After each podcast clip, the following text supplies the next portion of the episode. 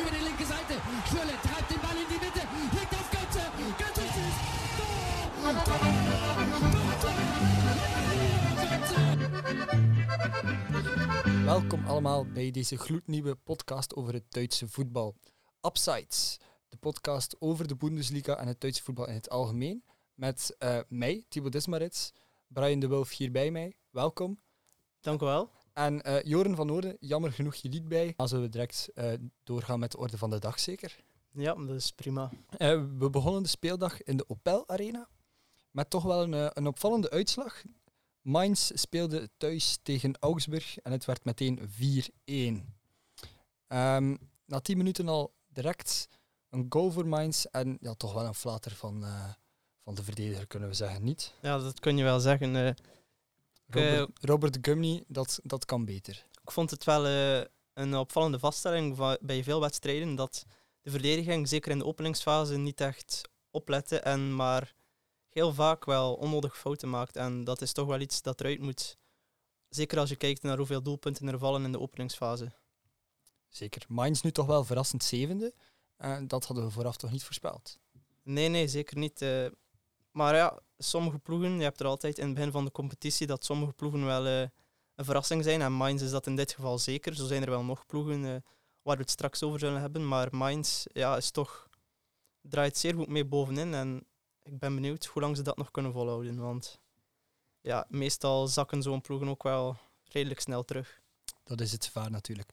Oké, dan gaan we door naar de volgende wedstrijd. De ploeg van Jesse March, Rasenbalsport Leipzig, nam het op tegen Greuterfurt. eh, en ze keken direct na, tegen een e- 0-1 achterstand aan. Ze Ja, hebben wel niet gepanikeerd, moet ik zeggen. Nee, nee, maar eh, het is toch opvallend ook eh, dat Leipzig weer al op achterstand komt. En dit keer tegen Greuterfurt, toch de rode lantaarn uit de Bundesliga, promovendus. Dan vind ik toch wel opvallend dat Leipzig, die toch zeer wisselvallig bezig is, weer al op achterstand komt. En ja, ze maken het zichzelf echt niet gemakkelijk zo. Gemakkelijk zo. Ja, ik heb die tweede helft zelf bekeken en die laatste, ja, er waren vier doelpunten in die tweede helft, waardoor het 4-1 werd. Eh, en er zaten toch wel wat pareltjes bij, moet ik zeggen. Ja, inderdaad. eh, enkele pareltjes. Soboslai, ik denk wel echt eh, de man van de match. Die partij ja, heeft, begint daar met een prachtige goal.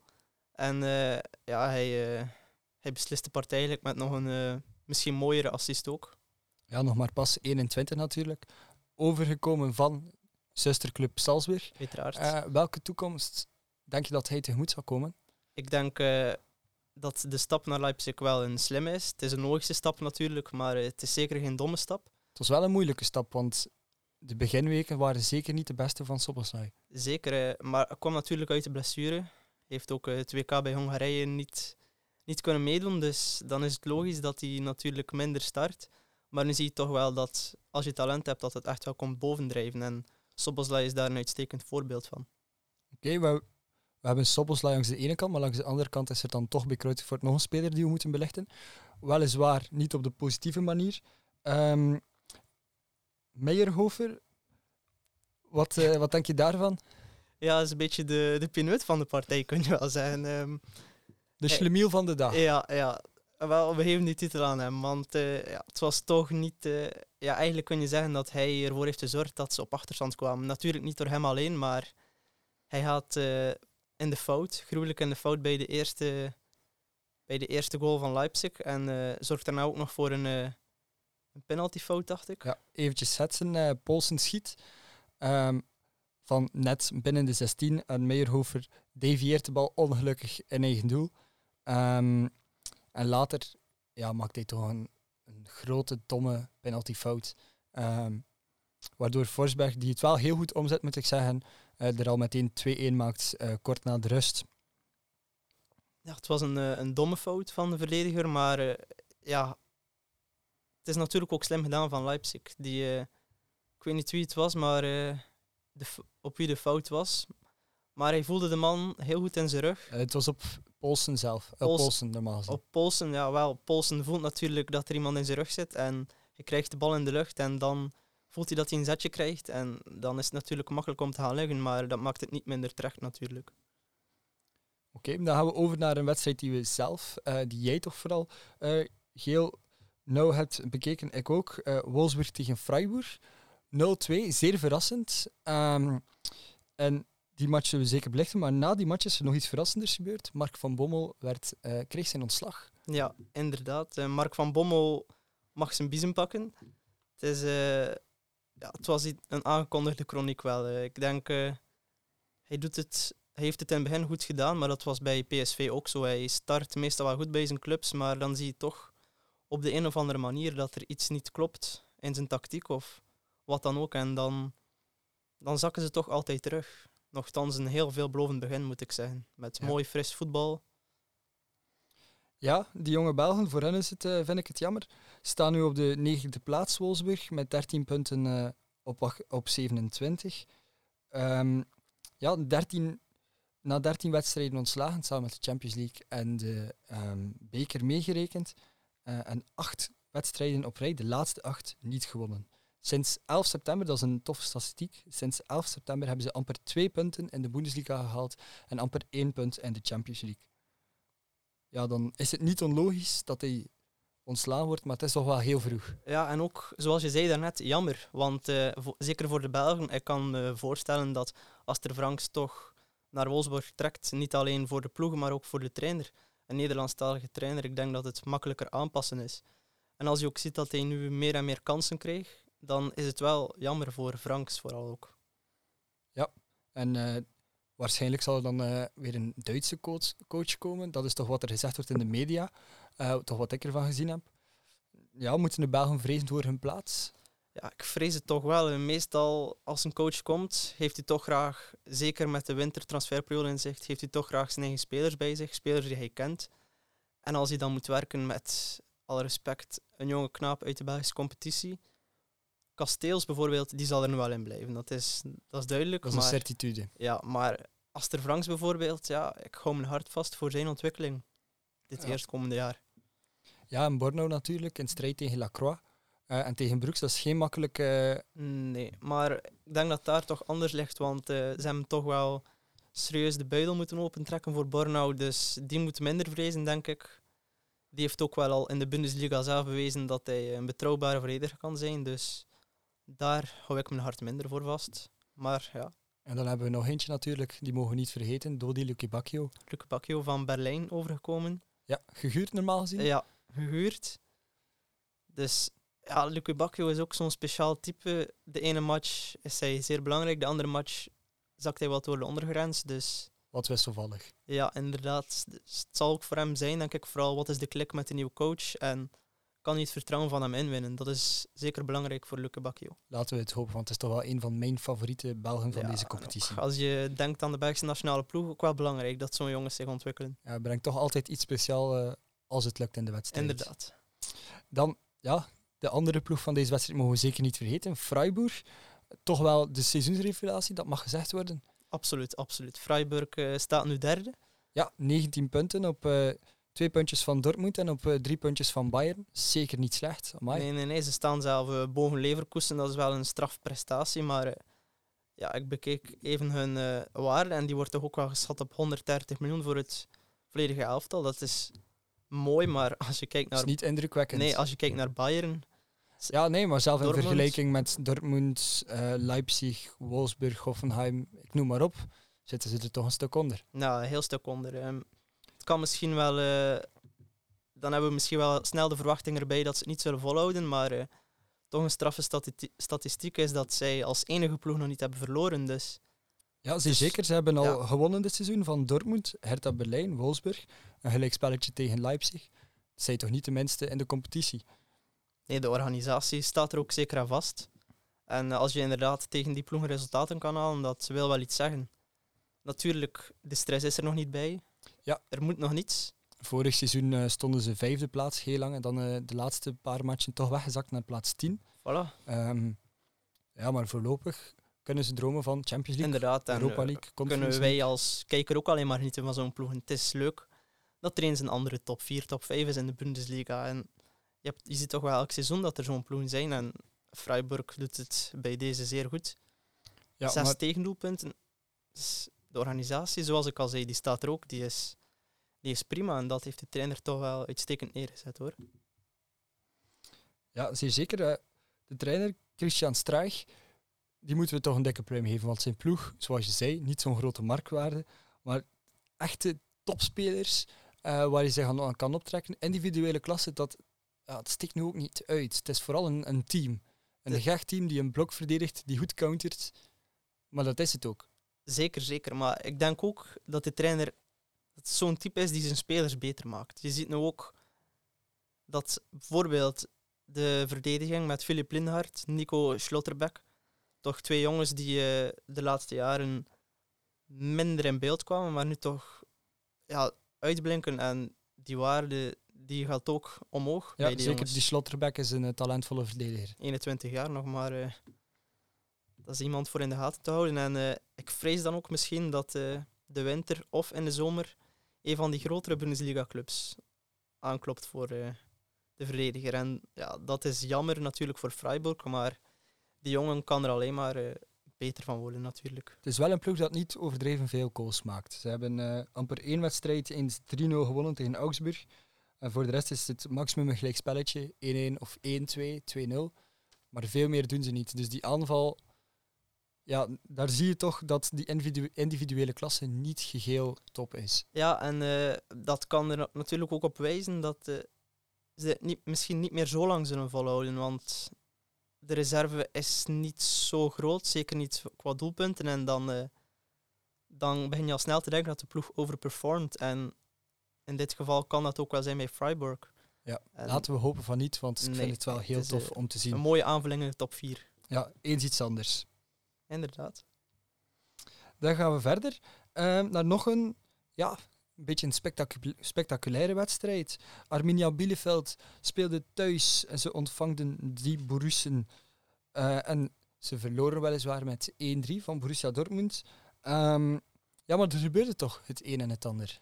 Ja, zeker. eh, Ja, het begon natuurlijk al in het begin, waar eh, uiteraard al de geblesseerden van Dortmund er niet bij waren en ook Haaland ontbreekt. En dat is natuurlijk wel eh, een serieuze aderlating voor de Borussen. En ja, dan zie je toch ook wel dat het meteen een stuk minder draait. Als Malen daar de aanval alleen moet dragen. En dat zag je ook wel. Bielefeld, ze verweerden zich heel goed, zeker het eerste half uur. Maar dan krijgen ze een penalty, Dortmund. Die zetten ze om, 0-1. En ja, dan kijk je eigenlijk naar een wedstrijd waar eh, zeker de tweede helft een maat voor niets is. Er wordt wel nog veel gescoord, maar het was overwicht van Dortmund en Bielefeld die zich wel verweerden, maar Ja, bij Dortmund zien we dan misschien het andere van bij Freiburg, maar hier zien we toch wel wat individuele klasse in deze wedstrijd. Ik denk dan maar aan, ja, toevallig twee goals, maar aan ehm Mats Hummels en aan Jude Bellingham. ja, Wat een pareltjes. Mats Hummels. Wie is Galand als je Hummels hebt, zou ik bijna denken. Want eh, wat een goal. Hij eh, uit een hoekschop, vlak voor tijd, vlak voor de rust, krijgt hij daar een afvallende bal en hij zet er zijn voet knap tegen, een volley, en die verdwijnt gewoon rechts in Ja. de hoek. Dat is Dat was niet normaal. nee, individuele klasse. En ik denk ook dat hij er niet meer zoveel zal maken op die manier. We hebben toch wel, ja, die van Jude Bellingham is, was ook een pareltje. beauty. Ehm, op die leeftijd. Als je spreekt van individuele klasse, dan eh, kan je Bellingham daar wel zeker bij zetten. Ongelooflijk knap je wat hij doet op die leeftijd. Ja, moeten we vrezen voor het zelfs in positie?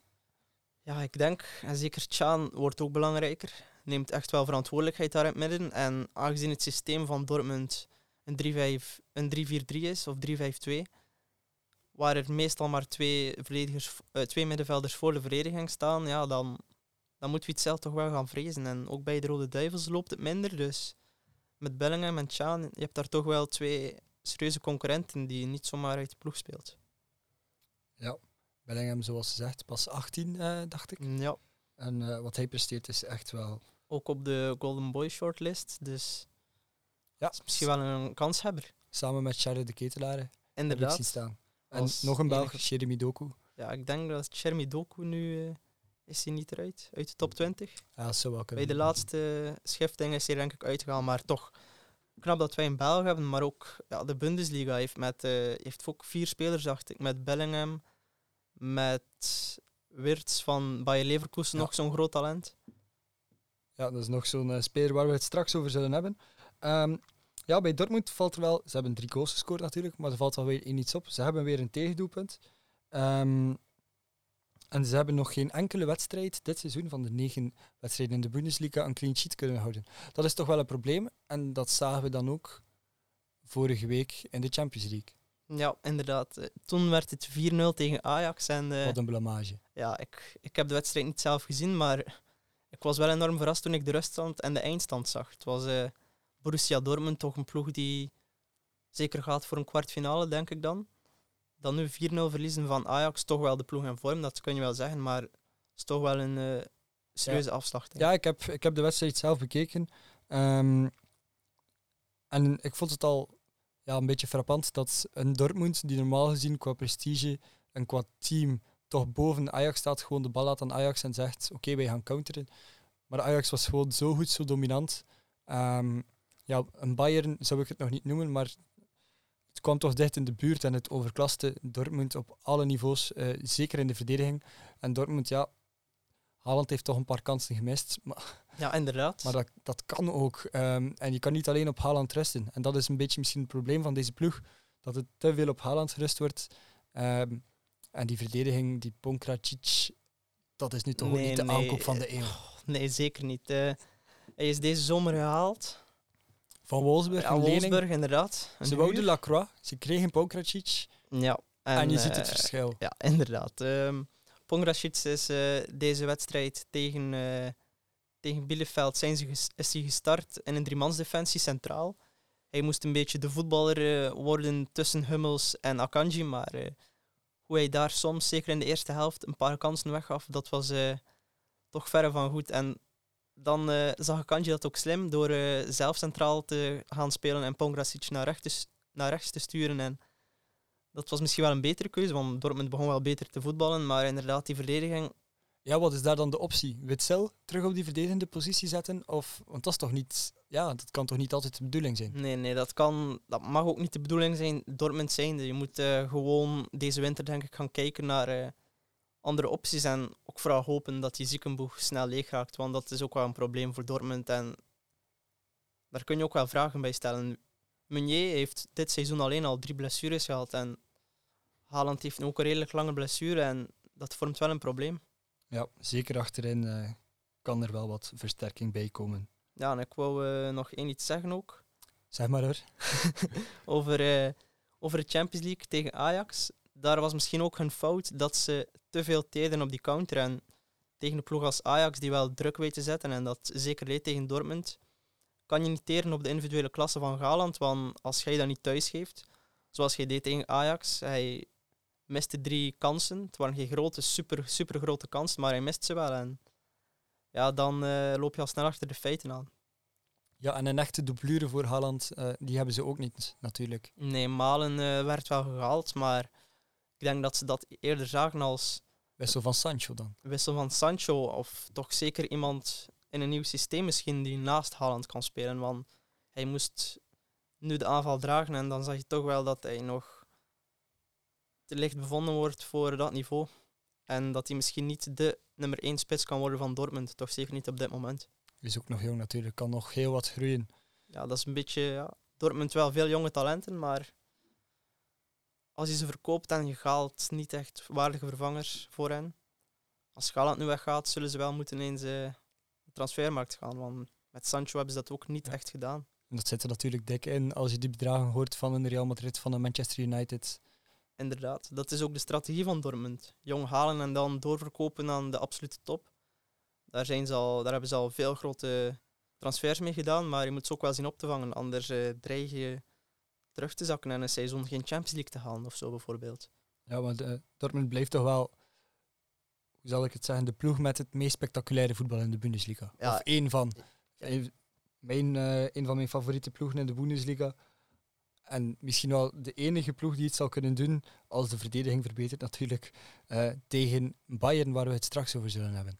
Ja, dus ehm, ze leunen misschien het dichtste aan bij Bayern, zeker de laatste jaren. Dit jaar staan ze nu ook nog tweede, één punt achter, maar eh, je ziet toch wel altijd dat eh, Bayern naarmate het seizoen afst- afstand neemt. En Ja, ze spelen op een heel andere manier hun wedstrijden dan dat Dortmund ze wint. ja, Dortmund is ehm, soms met hangen en wurmen en dat heeft Bayern toch niet. En ja, daar zullen we het waarschijnlijk straks wel nog over hebben. Ja, zeker die laatste wedstrijden waren eh, ronduit spectaculair. Ja. Dan gaan we over, en dat sluit er perfect bij aan, naar de volgende wedstrijd. En die was Bayern-Hoffenheim.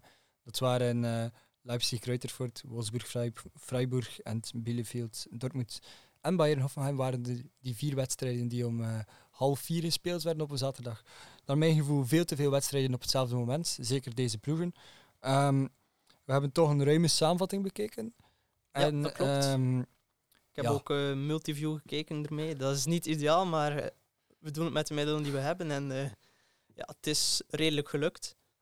Bayern was toch weer spectaculair. Net als vorige week. Eerst, wat was het? 0-5, 1-5, sorry. Excuus tegen Leverkusen. En dan nu Ja, 4-0. Bayern is Bayern en eh, ze zorgen er alweer voor dat dit seizoen niet zo spannend zal worden bovenin. Maar eh, ja, hoe ze nu weer zo makkelijk afstand nemen van Hoffenheim, toch qua naam zeker niet de kleinste club uit Duitsland. Het is toch indrukwekkend. Lewandowski toont even zijn klasse met een eh, prachtig doelpunt. En zolang die daar loopt van voorin, zal de verdediging van de tegenstander geen moment rusten. Ja, Hoffenheim is zeker niet aan het beste seizoen bezig. Pas 11e plaats. Ehm, maar Bayern, zelfs zonder Nagelsman, want die was er niet, die had corona. Ehm, ja, zijn die twee die hij meenam naar, eh, van Leipzig naar Bayern, Dino Topmuller. Veel aanpassingen heeft hij niet moeten doen, denk ik, want de machine gaat gewoon verder. Daar zit zo'n systeem in. Ehm, dat komt al door de vorige trainer, de Duitse bondscoach momenteel. En dat komt natuurlijk ook door, door Julian Nagelsman, maar het draait echt top. Ja, die Duitse trainerschilde, Hansi Flick, nu Julian Nagelsman, die Bayern daaronder zijn hoede heeft genomen, die, die zorgen er toch voor dat eh, de Duitse recordmeister meer en meer nog een machine wordt. Niet alleen in Duitsland, maar ook in de Champions League. En ja, als hij dan eens er niet is, dan is dat geen probleem, want ze trainen daar zo hard op, op allerlei vormen. Niet op automatisme, niet per se, maar gewoon op zoveel mogelijk Ja, onverwachte situaties, Ja, dat hebben we gezien chaos bij ook. Leipzig. Nu bij Bayern, eh hij traint er als een zot op. Julian Nagelsman Ja. op onverwachte situaties, chaos creëren. Inderdaad. Maar chaos is misschien, eh, Een groot woord. ja, en misschien ook niet zo mooi voor Nagelsman zijn tactiek, want het is verre van chaos, maar je ziet toch dat hij enorm snel kan een tegenstander bij de keel grijpen en een overtal kan creëren. En overtal is misschien een beter woord dan chaos, maar Hij heeft toch in een heel korte tijd eh, zijn hand op deze ploeg kunnen leggen. ja, dat, eh, dat is natuurlijk de klasse van eh, Nagelsman. Ik denk toch de coach van het moment nu met Bayern. En ja, hoe hij zo snel de pees erop heeft kunnen leggen en heeft hem zijn eigen hand er toch in gestoken, dat is wel knap. Ja, dat moest ook wel na de druk van zijn transferbedrag. 40 miljoen, duurste trainer die er is. Dat is toch wel een, een serieus bedrag en dat werd er wel veel verwacht. Maar ja, die verwachtingen zijn tot nu toe ingelost. Alleen verloren van Frankfurt en daar waren ze, heb ik gekeken, daar waren ze eh, de betere van Frankfurt, maar was er meer pech mee gemoeid eh, dan iets anders. Ja, voilà, dat kan, dat kan natuurlijk altijd gebeuren en of de, eh, een beetje pech in de afwerking. En ja, dan En dan tonen ze nu dat ze er weer helemaal staan met deze twee wedstrijden. En als Af Choupo-Moting scoort, ja, dan, dan weet je dat het goed draait. En ja, Choupo-Moting, eh, het is een speciale spits, maar je moet toch wel zeggen dat hij geregeld zijn doelpuntje meepikt. En eh, het is misschien niet de ideale doublure van Lewandowski, maar als je ziet hoe fit hij is, dan eh, is dat misschien niet nodig. En eh, kan Choupo-Moting gewoon zijn doelpuntjes blijven meepikken als invaller. blijft toch een gek verhaal hoe die daar terecht is gekomen. Ja, Zijn carrière, daar, daar kan je een podcast op ja, zich van maken. goede, goede manager. Zeer zeker. Dan gaan we over naar het Olympiastadion, naar Hertha Berlijn. De Berliners speelden thuis tegen Mönchengladbach.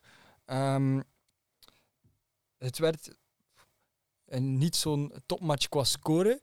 Ehm 1-0. Net voor de rust Richter met een prachtig doelpunt. Een, ja, een combinatie van een omhaal en een volley. Ehm, daarmee hebben ze hebben ze Sommer kunnen eh, ja, passeren.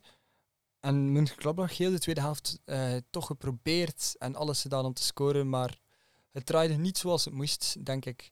Nee, het eh, draaide niet helemaal zoals ze wilden en verwacht hadden. Want ik denk dat eh Berlin ook over Mönchengladbach is gesprongen door die overwinning. en ja, Mönchengladbach is toch ook niet zeer goed bezig. En het was een, een wel een mooie wedstrijd tegen Berlin, maar je ziet toch dat het ontbreekt dan een beetje brani voorin en uh, een beetje kwaliteit kun je het niet echt noemen, maar uh, ik denk dat het vooral pech is, want ze proberen echt wel, dat zag je ook wel in die tweede helft, ze proberen echt wel om aan te vallen en ze doen het ook wel, maar... Ja, wel een paar afwezigen natuurlijk. Mohamed Turam was er niet bij. Plea en Neuhaus starten Marcus op de bank. Nou, foutje, dat was de vader waarschijnlijk. foutje, dus uh, Marcus Turam er niet bij. Uh, Plea en Neuhaus zaten op de bank, hadden um, een lichte blessure, meer gewoon wat gespaard. Uh, kwamen er natuurlijk naar de rust in, maar konden niets veranderen. Want ja, Boyata en Co stonden gewoon heel stevig. Ze hebben zelf niet veel kansen meer ja, gecreëerd. Maar ze waren wel een, een stevig blok, een echte Berlijnse muur. Ja, pure organisatie dit keer. En uh, je zag dat ze vol voor die 1-0 overwinning wilden gaan. En dat was misschien jammer voor de wedstrijd. Want, uh, ja, het was zeker niet de beste, beste wedstrijd nee, van de nee, speeldag. Zeker niet, maar uh, ja, dat is niet nodig als je op het einde van de rit drie punten pakt en zo je terug nestelt in de middenmoot. Ze hebben gevochten voor het punt en ze hebben die meegenomen. En Borussia Mönchengladbach, ja, die moet misschien even herbronnen en kijken wat ze kunnen doen totdat Turam terug is, want dat is wel een belangrijke schakel. Ja, zeer zeker. Ja. Berlin uh, een belangrijke uh, driepunter. Want hierna een drieluik tegen Hoffenheim, Leverkusen en de derby tegen Union Berlin. Zeker niet gemakkelijk. Zeker niet gemakkelijk. zeker die derby. Het wordt er een op het scherpst van de snee. En, In een prachtig stadion. Ja, dat wel, maar... Het kleinste stadion van de Bundesliga met de ja, meeste sfeer, kunnen we wel stellen. Dat is prachtig. Zeker een klein stadion, maar ja, het is enorm sfeervol. En als je dan kijkt naar de thuisbasis van Hertha Berlijn, het Olympiastadion, enorm groot, veel capaciteit, maar het zit niet vol en dat is ook wel jammer. Echt jammer om naartoe te kijken, want uh, die lege plaatsen, ik uh, had even een flashback naar uh, corona, coronatijden, waar we nog altijd in zitten, maar de supporters zijn toch al welkom en ja, het zit nog altijd niet vol en ik vrees voor Berlijn dat dat ook niet snel zal gebeuren. Ja, een stadion van 75.000 man, dat is natuurlijk dat is niet enorm. Zeker voor een, uh, een, ja, een middenmotor, kunnen we wel stellen. Uh, zeker in vergelijking met het stadion uh, van Union Berlin, stadion an der Alten Forse maar 22.000 man, dus het scheelt toch een kleine 50.000 mensen. en daarom gaan ze, gaan ze het nooit vol krijgen. Het is immens voor een, uh, een middenmotor. Ze hebben wel veel fans natuurlijk. Uh, maar in vergelijking met andere Bundesliga-ploegen, waar de sfeer enorm is, ja, is het toch wel jammer. Ja, maar ja, potentieel nogthans is er genoeg. De hoofdstad Berlijn. Ze hebben ook uh, genoeg financiële middelen om het goed te doen, maar voorlopig komt het er nog niet altijd uit. En ja, het is gewoon nog niet overtuigend genoeg. De kwaliteit ontbreekt een beetje. En ja, dan is het jammer. Maar goed, potentieel is er genoeg en wie weet, over enkele jaren spreken we over een heel ander verhaal en zit het wel vol. En gaan ze goede resultaten. Zeer zeker. Dan gaan we over naar de volgende wedstrijd. Daar kunnen we het heel kort over hebben. Stuttgart speelde 1-1 thuis tegen Union Berlin. Um, het was een degelijke match. Uh, een mooie goal van Awani. Daarna een, een, rode kaart voor Stuttgart Karazor. Um, maar in de 93 minuut kon Fagir toch nog de 1-1 eindstand vastleggen. We hadden een korte invalbeurt uh, van Orel Mangala. We hadden hem toch liever langer zien spelen, maar een invalbeurt, ja, daarmee moest hij het doen vandaag. En dan denk ik dat we direct over kunnen gaan naar de volgende wedstrijd. En uh, dat was Bochum tegen Frankfurt. En dat was toch wel verrassend. Zeker, uh, Bochum niet meteen de grootste naam. En Frankfurt is toch in een klein dipje verzeild geraakt. En dat zag je ook aan de stand. Een groot dipje, plaats 15. ja, oké, okay, maar uh, ja, Frankfurt. Het is ook uh, wat wisselvallig. De ene keer spelen ze voor de Europese plaatsen en het andere seizoen spelen ze mee van anderen. En ja, dit seizoen vrees ik voor het laatste. En Bochum heeft dat wel goed gedaan met 2-0. Belangrijke punten ook. Ja, het was een waar degradatieduel. Ja, inderdaad. Frankfurt. Uh, er was maar één lichtpuntje voor, voor mij en dat was Daichi Kamada. Die Ja. kleine Japanner was weer flex en flux en raakte overal tussen. Eh, Een schot op de paal, heel jammer. was een prachtige actie. ehm, Een mooie voetballer. Dus eh, kan je niet ontkennen. Hij heeft ook in de Jupiter Pro League gespeeld. ja, en dat maakt het alleen maar mooier. Ja, Dat, zo'n speler dan toch Mooie verhalen altijd. Bij zijn truiden dacht ik. Ja, zeer De- zeker. Bij de Japanners. Ja, daar zitten er genoeg natuurlijk. ja, natuurlijk. eh, Dan, ja, eh, dan hadden we ook nog de gemiste penalty van Paciencia. En dat toont dan helemaal eh, ja, de vorm waarin Frankfurt zit. ja, dat tekende de wedstrijd en de periode waarin Frankfurt zich nu bevindt. Alles zit tegen. Inderdaad. Dan kunnen we overgaan naar de laatste wedstrijd van de dag, ehm, van de speeldag. En ja, een verrassende wedstrijd. Keulen speelde thuis ehm, tegen Leverkusen ehm, in het Rhein Energy Stadion en het werd 2-2. Ja, ik heb me echt eh, enorm geamuseerd met de wedstrijd, moet ik zeggen. Eh, het was eh, een enorm leuke wedstrijd. Goede sfeer. Twee leuke ploegen die wilden echt voor de overwinning gaan. En, of toch zeker voor dat punt in Keulens geval. En Twee heel verschillende helften, moet ja, ik zeggen. Enorm, enorm verschillend. Waar in de eerste helft Leverkusen toch wel in het openingskwartier al snel op 0-2 kwam. En dan denk je direct, ja, wedstrijd gespeeld, nu gaat Leverkusen echt eh, doorpakken. Maar eh ja, het ontbrak hem toch wel aan eh afwerkingsskills. Ze konden die derde geraakt Ja. er maar niet in. In het begin een weergaloze Florian Wirtz, de man van 18 jaar, waar we het daar straks al kort over hadden, was gewoon de man. Eh gaf dan een prachtige paas bij de eerste goal op, eh, naar Schikdan.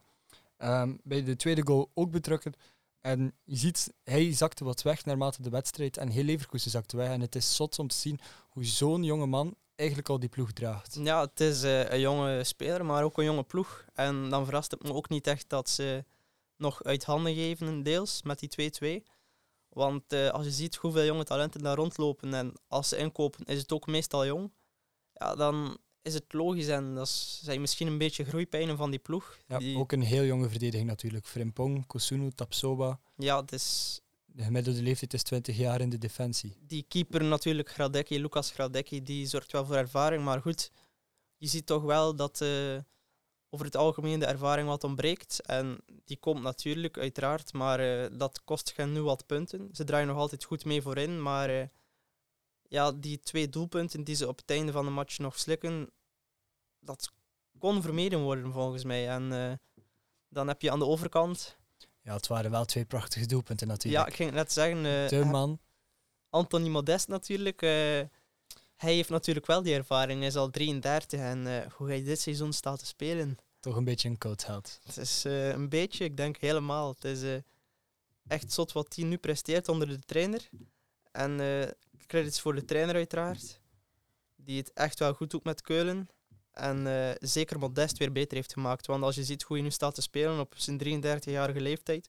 Stefan Baumkaart, eh, de trainer. Ja, Steffen. Baumgart. En eh, Anthony Modest is wel helemaal opengebloeid onder hem, want hij heeft nu al zes doelpunten gemaakt dit seizoen in negen competitieduels. Ook al een assist. Is weer helemaal terug. Ja, vorig jaar 27 wedstrijden en vier doelpunten. Dat zegt veel. Kan je bijna niet verklaren. Amai. Nee, inderdaad. Ja, we hadden ook afgesproken natuurlijk aan het begin, eh, voordat we deze op podcast begonnen, eh, dat we iedere week een speler van de week ehm, ja, zouden uitkiezen. Eh, iemand tot speler van de week zouden verkoren roepen. Ehm, maar we hadden daar nog geen toffe naam voor gevonden. Nee, nog niet. En ik denk dat het niet meer toepasselijk kan zijn dan het de modest van de week te noemen. Modest van de week. speler. Ja, ja. oké, dat, is misschien- dat is misschien wel een goede. Modest van de week. Ja, hij verdient het ook wel. Twee doelpunten, heeft Keulen een punt bezorgd. En eh, daarmee verdient hij toch wel om de modest van de week te zijn. En met de modest van de week kunnen we deze podcast afsluiten. We hebben heel de speeldag overlopen en volgende week zijn we weer terug. Er zijn weer wat topmatchen.